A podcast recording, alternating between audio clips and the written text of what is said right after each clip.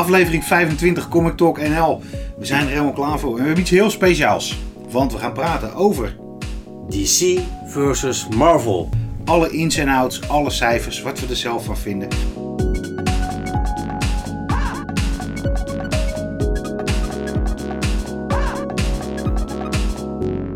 Maar eerst wil ik even aftrappen met bijzonder nieuws. Star Wars keert terug naar Dark Horse. Het gaat bij IDW gaat het weg.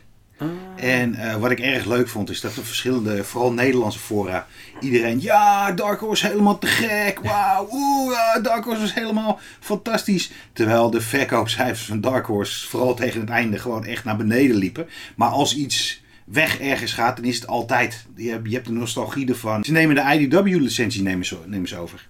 Ja, dat is echt voor, voor kids. Voor kids en all ages. Ja. Dus Marvel blijft gewoon hun ding doen. Maar het is best wel een scoop.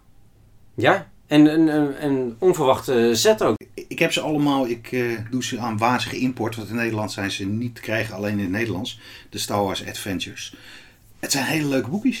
Dus ik ben heel benieuwd wat ze gaan doen. Volgend jaar eh, weten we het. En ik denk dat het ook wel een klap voor IDW is. Ja, een flinke. Want als ze al die Disney comics niet meer hebben en die Star Wars comics. Dan hebben ze eh, nog Turtles, G.I. Joe, Transformers, Mask. Wat, an- Mask Ja.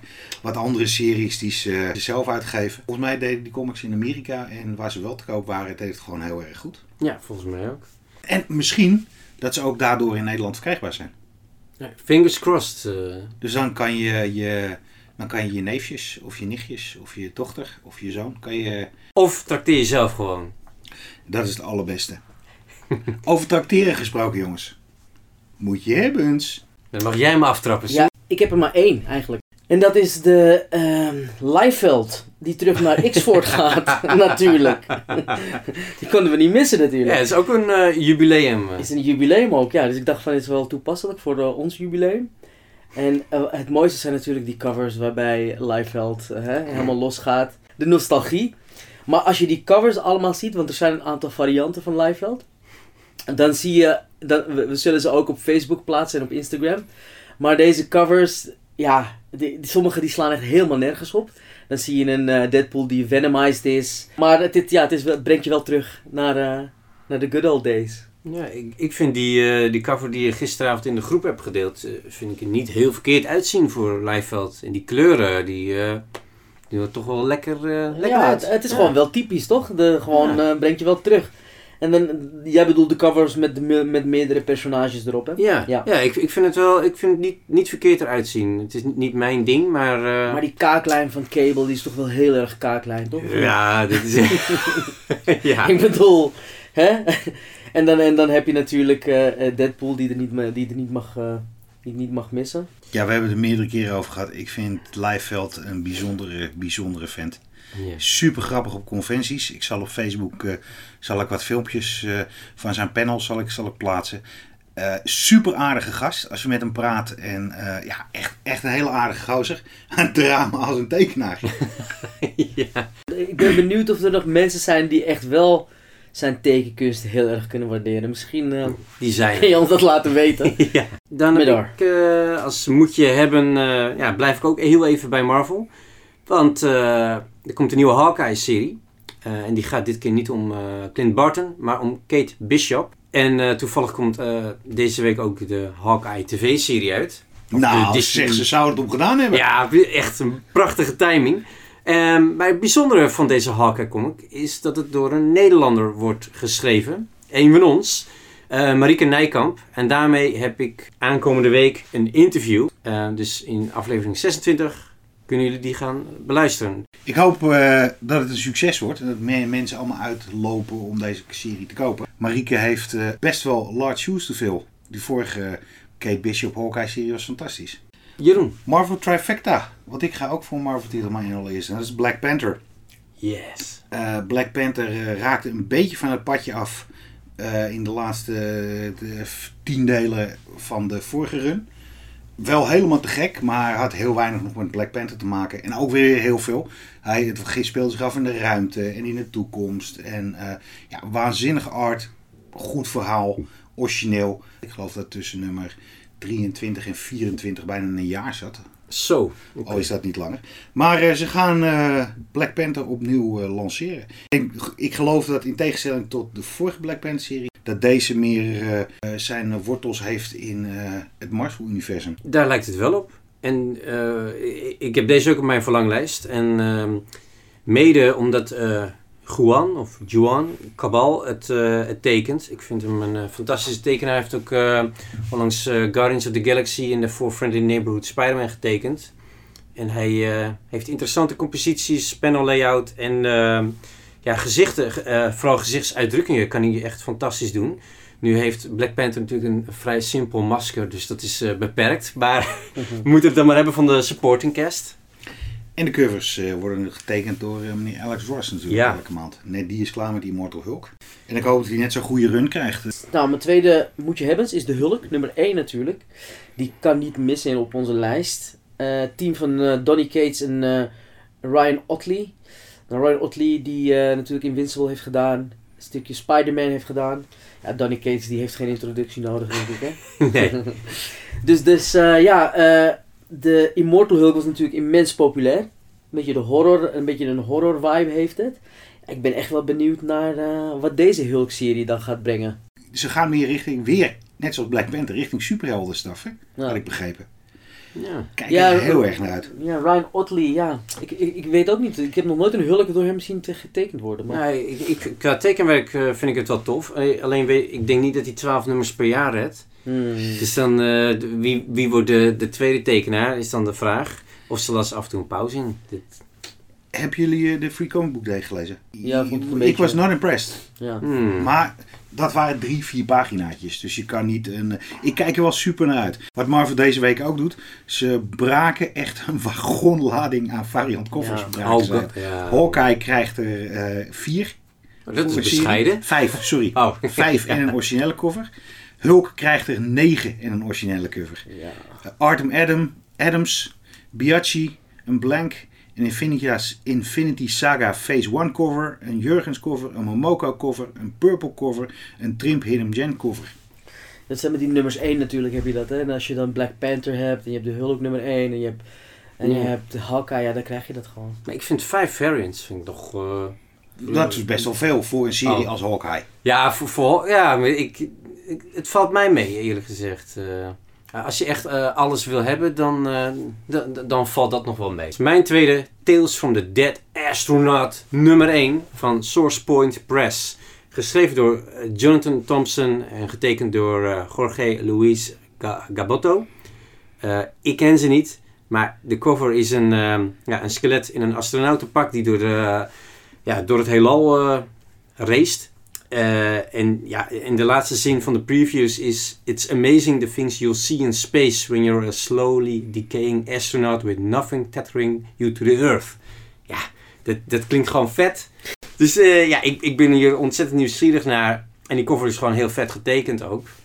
Dus eh, ik laat jullie binnenkort weten of dit een terechte nieuwsgierigheid was. En de uitgever was? Ook want- Source Point Press. ja, daar, daar lees ik niet zoveel van eigenlijk. Ik Eh, helemaal niks. Nee, Dus, dat maakt het voor mij al bijzonder. Ik ga voor eh, de nieuwste Jim Mafood. Ik ben jaren geleden naar een tentoonstelling van hem in Los Angeles geweest. Ik was er op vakantie en ineens zie ik dat er een galerie was waar hij eh, verschillende tekeningen presenteerde. En dat was waanzinnig. En sindsdien ben ik hem aan het volgen. En hij brengt de Girl Scouts eh, brengt hij terug. En het toffe met Mafood is dat hij zo over de top is. Ik kijk er erg naar uit. Hij is, hij is wel echt een, eh, een artist. Ik denk dat je moet er ook wel van houden, vind ik. Maar hij is ook wel echt een kunstenaar, vind ik. Weet je? Zeg maar de, een beetje net als eh, eh, Brandon Graham, die heeft dat ook een beetje. Dus bij Mahfoud heb ik dat ook. Hij is echt een kunstenaar. Dus eigenlijk als je iets van hem hebt qua art, dan heb je ook echt een art piece. Als je, als je een original art hebt of zo, dat is echt wel Maar heel acquired taste. Comic, het zijn geen comic tekenaars per se. Ze doen comics, maar ze het te gek vinden. En dat doen ze hartstikke, hartstikke Ja. tof. Ja, dus daarom verbaast het me ook niet dat hij een heel art gallery dan had daar, weet je, met al zijn kunst. Maar wel cool. Ja, het is ook een beetje, een beetje street art vibe eh, krijg ik er altijd van. eh. Ja. dat- Dat vind ik heel vet. Daarom moet je LA Ink een keer checken. Want LA Ink is meer een eh, korte verhalen en eh, korte verhalen en pin-ups die hij heeft gemaakt. Ik eh, doe het toetje. En dat is Joy Operations. De nieuwe Brian Michael Bendis eh, met eh, Steven Byrne. Stond niet op mijn radar tot ik de podcast Word Balloon eh, hoorde. Waarin hij twee afleveringen aan het oude hoeren was met Brian Michael Bendis. En ik kreeg er heel veel zin in. Maar dat komt puur door het enthousiasme wat Bendis had voor deze comic. Hij had het erover dat hij helemaal vrij was van alle restricties van de grote jongens en dat hij helemaal los kon gaan. En eh, hij ging helemaal uit zijn dak over de tekenaar. Heeft de mij verkocht, eh, die, die serie eigenlijk. Ja, Ja, ik, ik ben ook benieuwd. Staat ook, eh, ook op mijn verlanglijst. Eh Steven Byrne vind ik een hele mooie tekenaar. Ja, ik heb, bij mij staat hij er ook op alleen als een trade. Uh, want volgens mij, Zes het is delen. maar zes delen. hè? Ja. weet je wat wel het nadeel met Dark Horse trades is? We hebben het in jouw afwezigheid hebben we het er even over gehad. Dark Horse vraagt gewoon 1995 Oh, ja. voor een trade ja. van eh, 120 pagina's. Maar het is alsnog goedkoper dan de losse comics, neem ik aan, toch? Zonder losse comics geen trade, hè? Zonder losse comics geen trade? Dus als steeds minder mensen Trade losse rate. comics gaan kopen, Nee, dit is, zo is de balans goed. Jij koopt de losse comics, ik koop de trade. Komt helemaal goed. Obi-Wan Kenobi. Marvel vs. DC, dat is net zoiets als Coca-Cola vs. Pepsi, McDonald's vs. Burger King en Ajax vs. Feyenoord. Je bent fan van iets, waarom kan je eigenlijk niet vertellen? Want als je Coca-Cola en Pepsi in de essentie smaakt, in de essentie is het allebei cola. Ik denk dat het een lifestyle is. Ik denk dat het een gevoel is waar je ergens bij thuis voelt of niet. Ik denk dat het ook bij Marvel en DC zo is. Voordat wij losbarsten over wat wij van Marvel en DC vinden, neemt professor Medaar ons in vogelvlucht mee door 60 jaar comic rivaliteit. Toen de Comics Code Authority eh, er eenmaal was, eh, way, way, way back, was er weinig eh, ruimte voor rivaliteit. Want eh, heel veel uitgeverijen waren weggevallen. En eh, de grootste toen, dat waren DC en Dell. Niet Marvel, want die was toen nog heel klein. En Dell, die ken je vooral van de licentiecomics. En toen in 1954 verzorgde DC notabene dat Marvel, die toen nog Atlas heette, het heeft overleefd. Atlas had op dat moment hun distributeur verloren. En DC had nog wel wat, dus die zei kom maar bij ons. En eh, nou ja, dat ging goed. Vervolgens eh, kwam het jaar der comics, 1961. Het jaar van Fantastic Four nummer 1. Door Stan Lee en Jack Kirby. Inmiddels heette Atlas toen Marvel, zoals we weten. En eh, in die jaren daarna maakten ze gigantische sprongen in het bijna ten dode opgeschreven superheldengenre. Met ook Avengers, Spider-Man, Iron Man, Hulk, noem maar op. En dat bleef natuurlijk niet onopgemerkt bij DC. En die had ook zoiets van, ja, wij hebben ook nog wel wat eh, superhelden die we kunnen afstoffen. Dus uiteindelijk kwam eh, Flash en Green Lantern, eh, die, die kregen nieuwe identiteiten. Ja, probeerden ze ook weer aan de man te krijgen. En op de redactionele pagina's van Marvel maakte Stan Lee, vaak wel met knipoog, steken naar DC. Dat Marvel eigenlijk voor intellectuele lezers zouden zijn. En dat DC van, ja, dat kun je lezen. Dat is het toevallig ook, maar stel niet zoveel voor. Ja, DC vond het... nou, die las dat ook wel mee. En die eh, reageerde door middel van de stem van Chameleon Boy van de Legion of Superheroes. Met het feit dat hij eh, al aan het klimmen en klauteren was. voordat eh een, of andere spinnenman überhaupt een muur had kunnen aanraken. En zo bleef de rivaliteit tussen Marvel en DC nog enigszins speels. In 1970 verliet Jack Kirby Marvel voor DC. En deed hij ook mee aan het geplaag.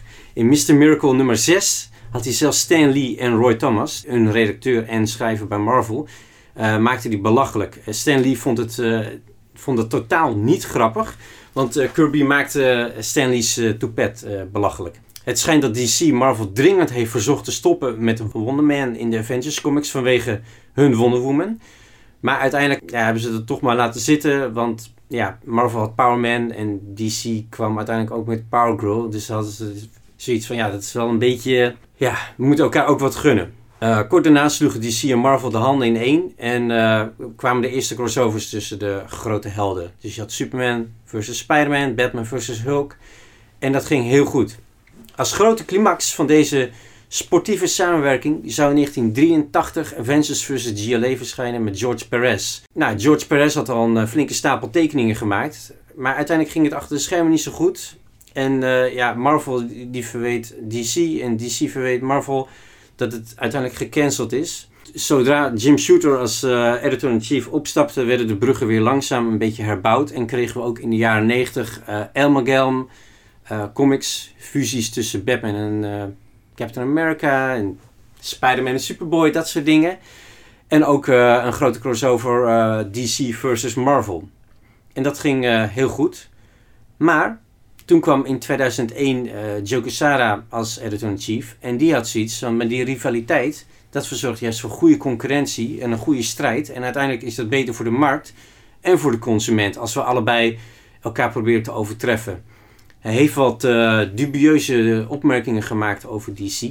En eh, Bob Wayne en Paul Levitz van DC vonden dat niet zo heel leuk. en die hebben toen gezegd, zolang Joe Quesada aan het roer is bij Marvel, gaan we niet met hun samenwerken. Uiteindelijk is eh, Joe Quesada geen editor-in-chief meer, maar voor mij eh, Chief Creative Officer eh, of Marvel. En ja, kijk, 2001 is inmiddels eh 20 jaar terug. En bijna 22. Uiteindelijk is het allemaal wel een beetje vergeven. En Paul Levitz heeft volgens mij ook een minder grote rol bij DC.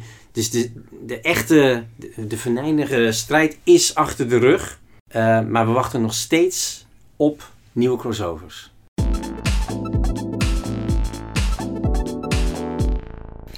Er, is een groot verschil tussen die twee uitgevers. Zeker. Waar Marvel zich gedraagt en uitstraling heeft van Rockstars, had, let op hè, had DC toch een beetje het imago van levensliedzingers.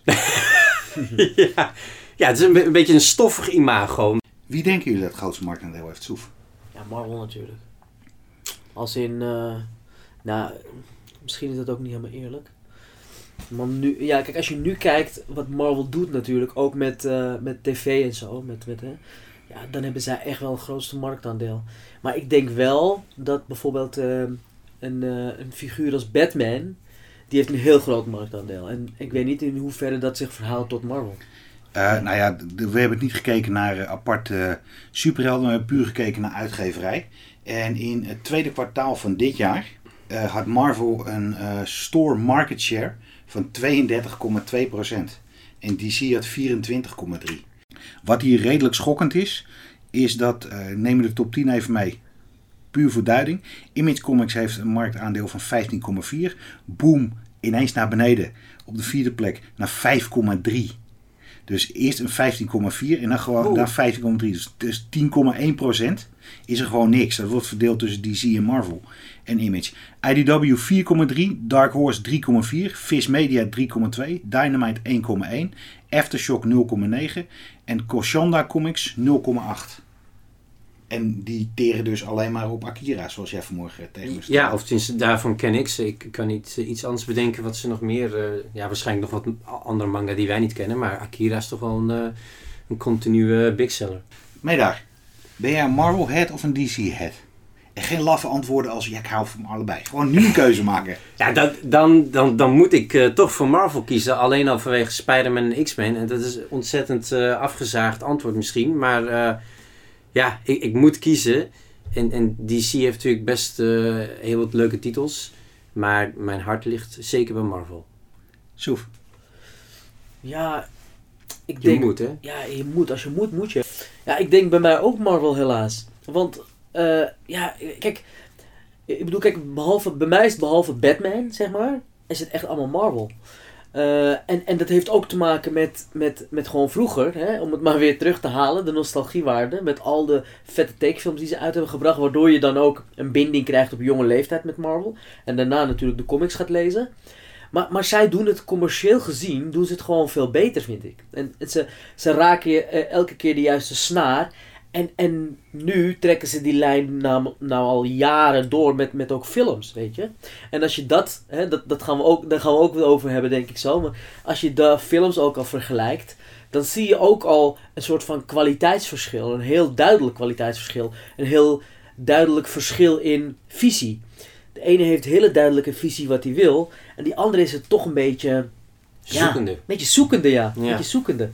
En, en, en, en ik, ik, ik wil echt heel graag dat DC net zo goed... Ja, want het, ik vind toch dat ze het toch minder goed doen. Dat ze het net zo goed doen als Marvel. Want precies om die reden die jij er zei.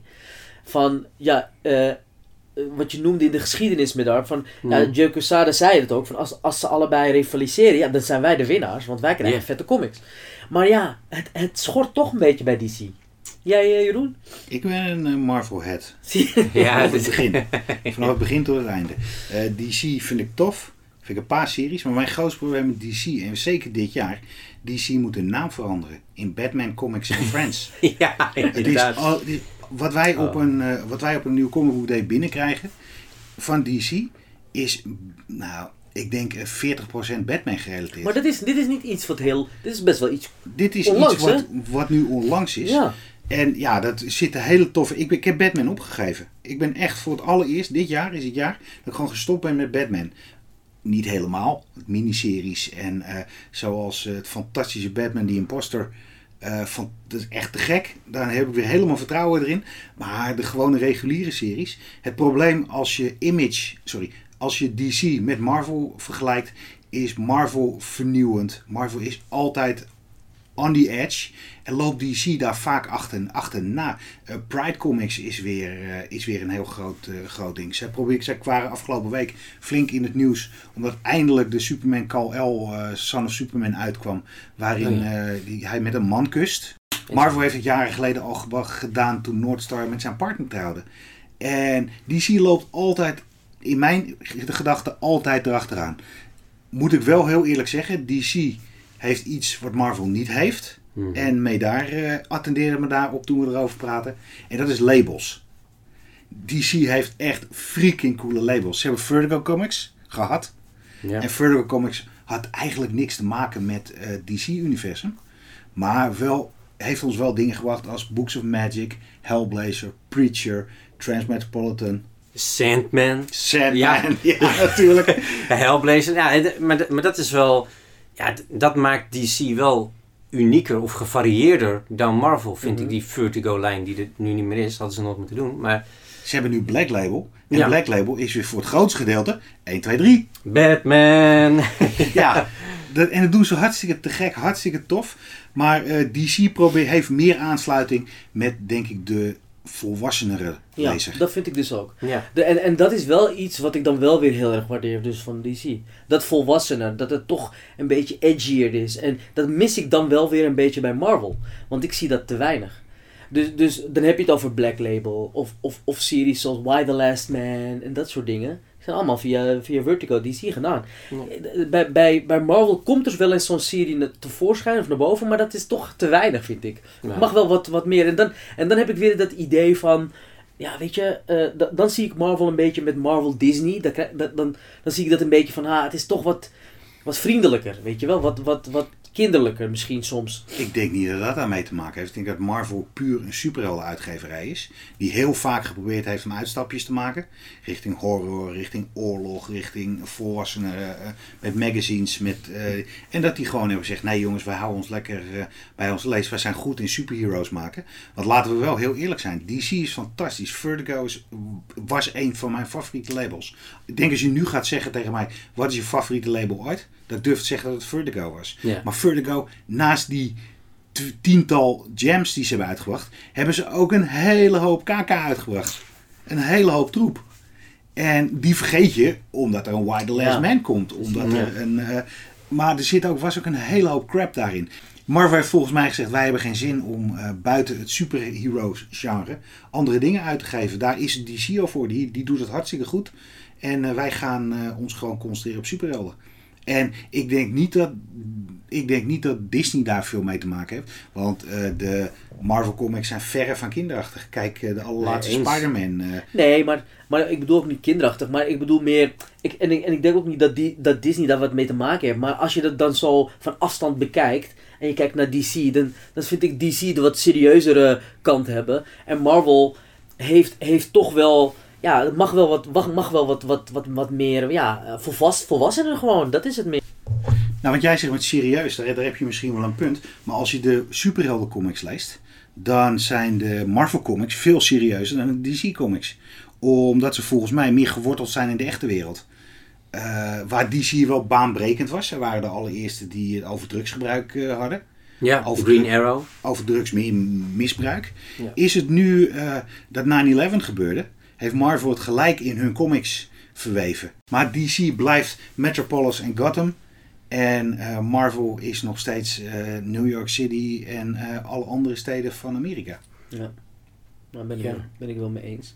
Waar DC vooral leunt op Batman en de OG Superman, heeft eh, Marvel veel meer een, eh, een, een, een grotere familie.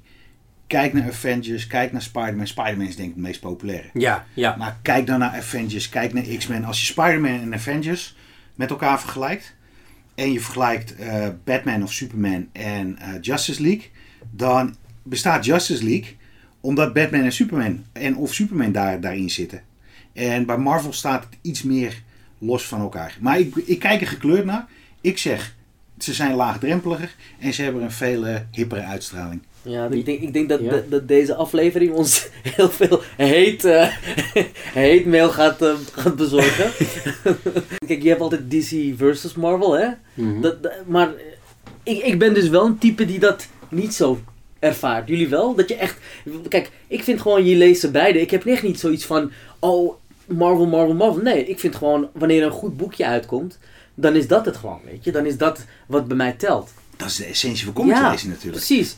Maar je hoopt natuurlijk wel dat jouw favoriet steeds het best doet. Zodra, ik hoop, ik had echt nadat Black Label, de eerste Black Label eh, nummer uit was, had ik, had ik wel zoiets van, wauw, hoe tof was dit geweest als Spider-Man zoiets had gehad. Of Oh, echt? Dat, ja, Nee. Ja, ja, nee, same. Ik, ik mis die, eh, die Max-line van Marvel mis ik wel eens. Want daar had je af en toe wel wat meer, ja, wat, wat, wat uitdagender. Of ja, uitdagender is ook wat, maar edgier. Edgier, volwassener en meer out-of-the-box comics. Eh Garth Ennis kon daar lekker losgaan, maar ook Bendis op Alias vind ik echt fantastisch. Maar dat, ja, nu willen ze eigenlijk eh, maximaal eh voor mij 12 jaar en ouder comics uitbrengen. En dat is prima, daar geniet ik ook van. Maar gewoon af en toe out of the box, wat DC wel durft, dat mis ik wel, wel bij Marvel. Maar dat is natuurlijk ook wel het feit dat zoiets durven is omdat je op de tweede plaats bent. Als je op de tweede plaats bent, doe je er alles aan om nummer 1 te worden. Ik ben 100% eens, Soef. Elke comic is te gek, wat je ook leuk vindt. Ja. Desalniettemin denk ik wel dat, er, eh, ja, dat je gewoon een favoriet hebt. Hebben jullie ook niet het idee dat DC zijn zaakjes niet op orde heeft en Marvel juist wel? Want dat, ge- dat gevoel heb ik heel erg. En dan kijk ik weer terug naar, eh, naar bijvoorbeeld Convergence, weet je wel, die serie die ze toen hadden Zo. uitgebracht. En dat, voor mij is dat tekenend, hè? Het is Mhm. continuïteit. Ja, Waar DC probeert, elke keer proberen ze weer een serie uit te brengen die hun continuïteit beter maakt. Begrijpbaarder maakt. Het is moeilijk om, eh, als jij nog nooit comics hebt gelezen, om een DC boekje te pakken en dan gelijk in het universum te stappen. En bij Marvel is dat re- laagdrempeliger. ja maar, ik, maar ik vind het, het feit dat ze zo eh, onzeker omgaan met hun eigen continuïteit, eigenlijk al sinds 1985 met Crisis on Infinite Earths, dat ze zeggen van oké, we hebben een multiverse, maar dat snapt niemand. Dus we maar brengen het terug naar één aarde en dan tien jaar later, ja, we, we, we brengen het toch weer terug en dan weer niet en dan weer wel. Ik denk, joh, maak gewoon goede comics in plaats van de hele tijd comics gaan maken om andere comics makkelijker te maken of moeilijker. Of, ik denk, ja, dat is echt Ja, maar dat proberen ze natuurlijk wel te doen voor de fans, hè? Ik bedoel, Ja. ik, eh, eh, voor de, kijk, dat, dat is dan wel weer respect daarvoor, want zij weten dat we hebben mensen die al heel lang comics bij DC lezen. Mhm. En we, we maken ook comics voor die mensen. En dan, wat je nu beschrijft, is natuurlijk wel een soort van eh, ja, fanservice, eh, zoals ze dat noemen. En, en kijk, weet je, wat, wat, wat we wel moeten beseffen, ik bedoel, DC, eh, ze, ze zijn wel, de geschiedenis bij DC is Tuurlijk. veel sterker, veel, Ja. in de zin van, ik bedoel, ja, Superman, Maar- weet je, gewoon de eerste superheld.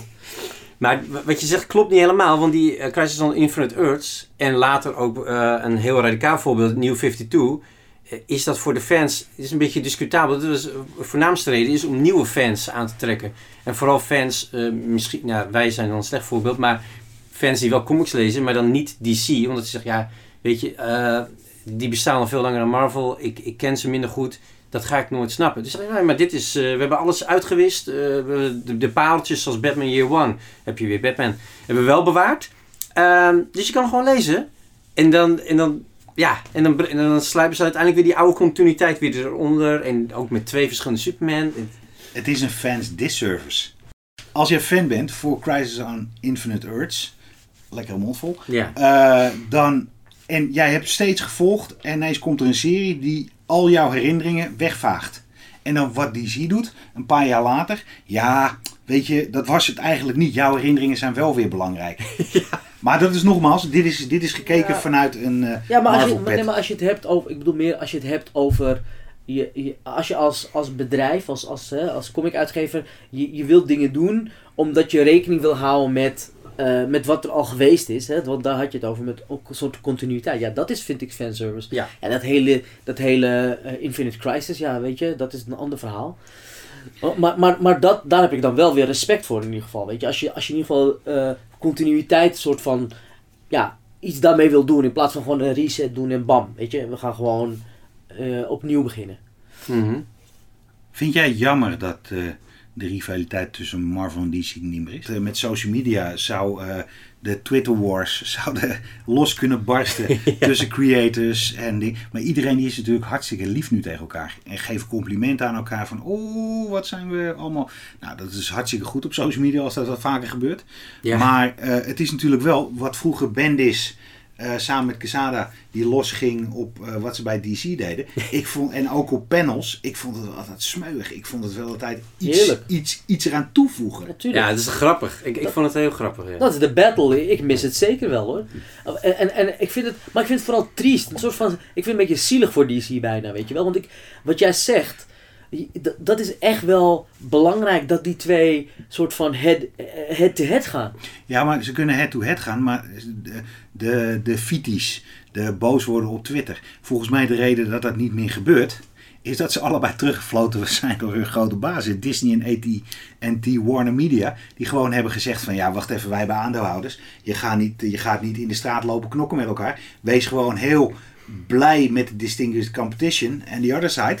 En doe gewoon heel lief tegen elkaar. Maar vind je dat jammer? Dat, Dat vind ik wel twee- jammer. Dat ze die, eh, dat, dat het nu, vind je, vind, je, dat- vind je het jammer dat nu het een groter, het bedrijf is eigenlijk niet meer een Marvel de comics, het is nu een heel groot iets. Het nadeel daarmee is wel dat alles wat netter is. Wat- Op verschillende Amerikaanse cons heb ik een. eh, heb, ik, Bendis was daar een voorbeeld van. Maar Jim Lee deed dat in het begin ook nog wel eens. eh, dat hij helemaal los ging over, over, over de competitie. En dan zat de competitie, die zat, eh, een, eh, die zat een panel verder. En ja, dat mis ik wel. Of dat je op eh, toen Newsarama, wat heel erg hot was, wat nu Bleeding Cool denk ik is, dat je weer krijgt dat Bendis wat had geroepen op Twitter waar Grant Morrison op had gereageerd of iets dergelijks. Dus dat mis ik. Een beetje de drama. Het drama, maar ook het, het een beetje het horen tot een inside club. Het punt wat jij maakt is het allerbelangrijkste, Soef. DC-fan of Marvel-head, eh, het- dat maakt niet uit. We zijn gewoon fan van goede comics. Nee, Ja, precies. absoluut. Maar even een paar goede series. Van bijvoorbeeld DC, Jeroen. DC en Marvel, dat is hartstikke moeilijk, joh. Nee, sowieso bij mij eh, denk ik gelijk aan Watchmen. Dat is wel echt de DC-titel voor mij. Ja, maar ik zeg je eerlijk, als ik denk aan DC, dan denk ik niet gelijk Watchmen. En, en waarom is dat dan? Nou, maar ik weet niet, dat associeer ik niet gelijk met DC. En ik denk, ik denk dat nu de Watchmen film is ook uitgebracht, mensen kennen Watchmen, leken kennen Watchmen, die gaan dat ook niet aan DC koppelen. Als je denkt Batman, Superman, dat is DC. Ik denk dat dat het hele probleem is van DC. Als je dus over DC praat, dan eh, kom je bij eh, licentie. Bij mij is het ook Watchmen, maar is het ook Why the Last Man, is het ook Preacher. Eh, dan, dat zijn series die niet per se gekoppeld zijn aan de superheld. Ja. En bij Marvel, als jij jouw favoriete Marvel-helden opnoemt, nou die kan ik probleemloos opnoemen. dat, daarmee zeg je eigenlijk een schort iets aan DC, waardoor je eigenlijk Watchmen, wat jij eigenlijk dan beter vindt dan een Batman, dat associeer jij nu eigenlijk met DC.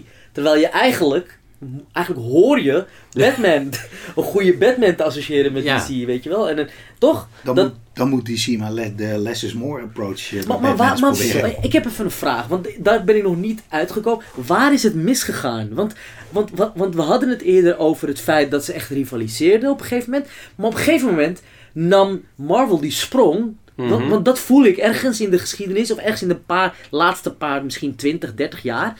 Nou, nam Marvel die sprong. En toen bleef DC achter. Maar waar.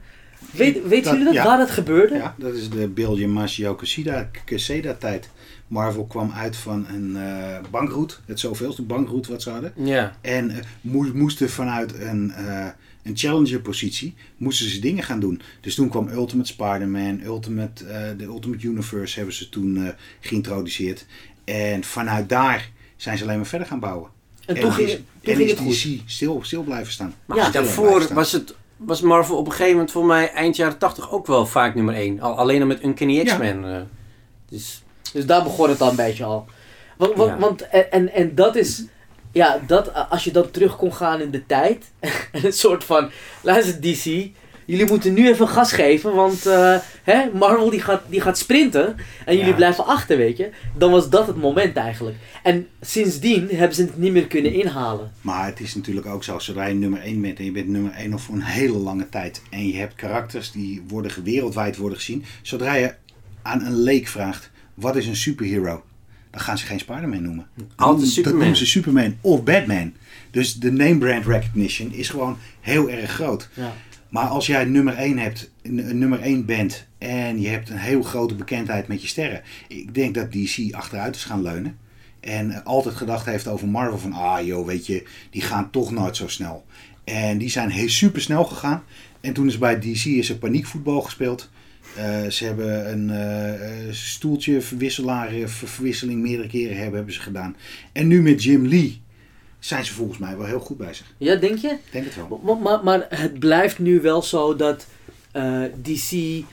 Ze halen Marvel niet meer in, denk ik. Dat gaat niet meer gebeuren. nou, zeg nooit nooit.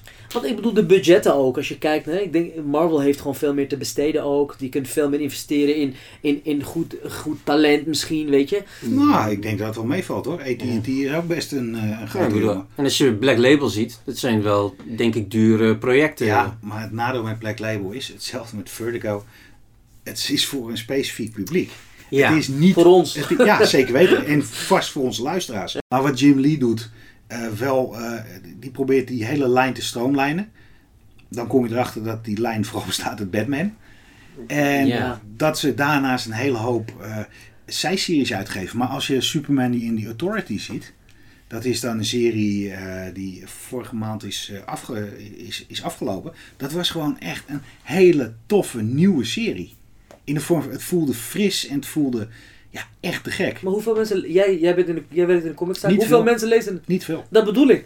Maar als je kijkt naar de nieuwe Superman, Kal-El, daar is zo verschrikkelijk veel vraag voor. Ik heb alleen al op Instagram heb ik 15 verschillende mensen die, die niet ons volgen in de vorm van het zijn geen vaste eh, bezoekers. Ja. Of wij eh, Superman Kal-El hebben. Ja, en dan dat- zeggen ze allemaal, ja omdat die... Ik Dat, heb, dat, weet je hoe die mensen noemden? Speculanten. ja, nee, nee. ja, Ja, ja. En dat heeft niks met Sinterklaas te Nou, maken. Ik denk, ik denk dat er een één of twee speculanten zaten. Maar dat er ook mensen uit de gay community, een hele hoop, die er gewoon geïnteresseerd waren. Ik heb de comic gelezen. De comic is heel erg tof. Het nadeel is dat je de vorige vijf delen ook gelezen moet hebben. Ja. Anders begrijp je er heel weinig van. Maar is het een one-shot? Nee, maar als dit een gateway kan zijn, dat mensen denken: hé, hey, ja, wacht even, ik ben wel represented en ik ben wel een, eh, ik vind dit wel tof.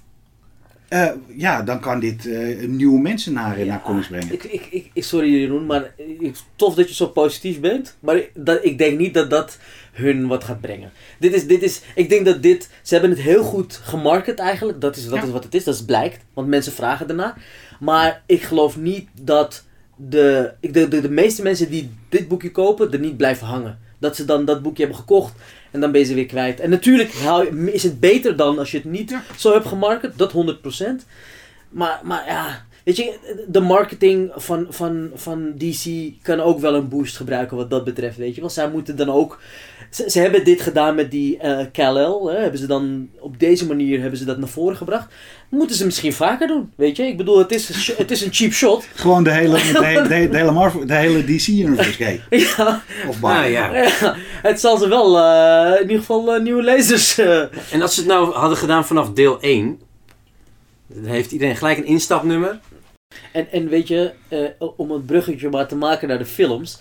Ik denk dat een goede Batman film heel goed zou zijn voor DC op dit moment. Maar weet je wat het gekke is met Batman-films? Batman-films worden nooit gezien als DC-films. Nee, maar ja. Wij- Nee, maar, maar dat is toch gek? Als je, als je, als je Batman, wat Nolan heeft, eh, heeft, heeft gedaan. Ik denk dat je dat kan stellen dat het de drie beste Batman-films ooit waren. Mhm. Dat wordt nooit echt gedaan als ik met, als ik met eh, mensen praat die over, hebben ze het altijd over Batman.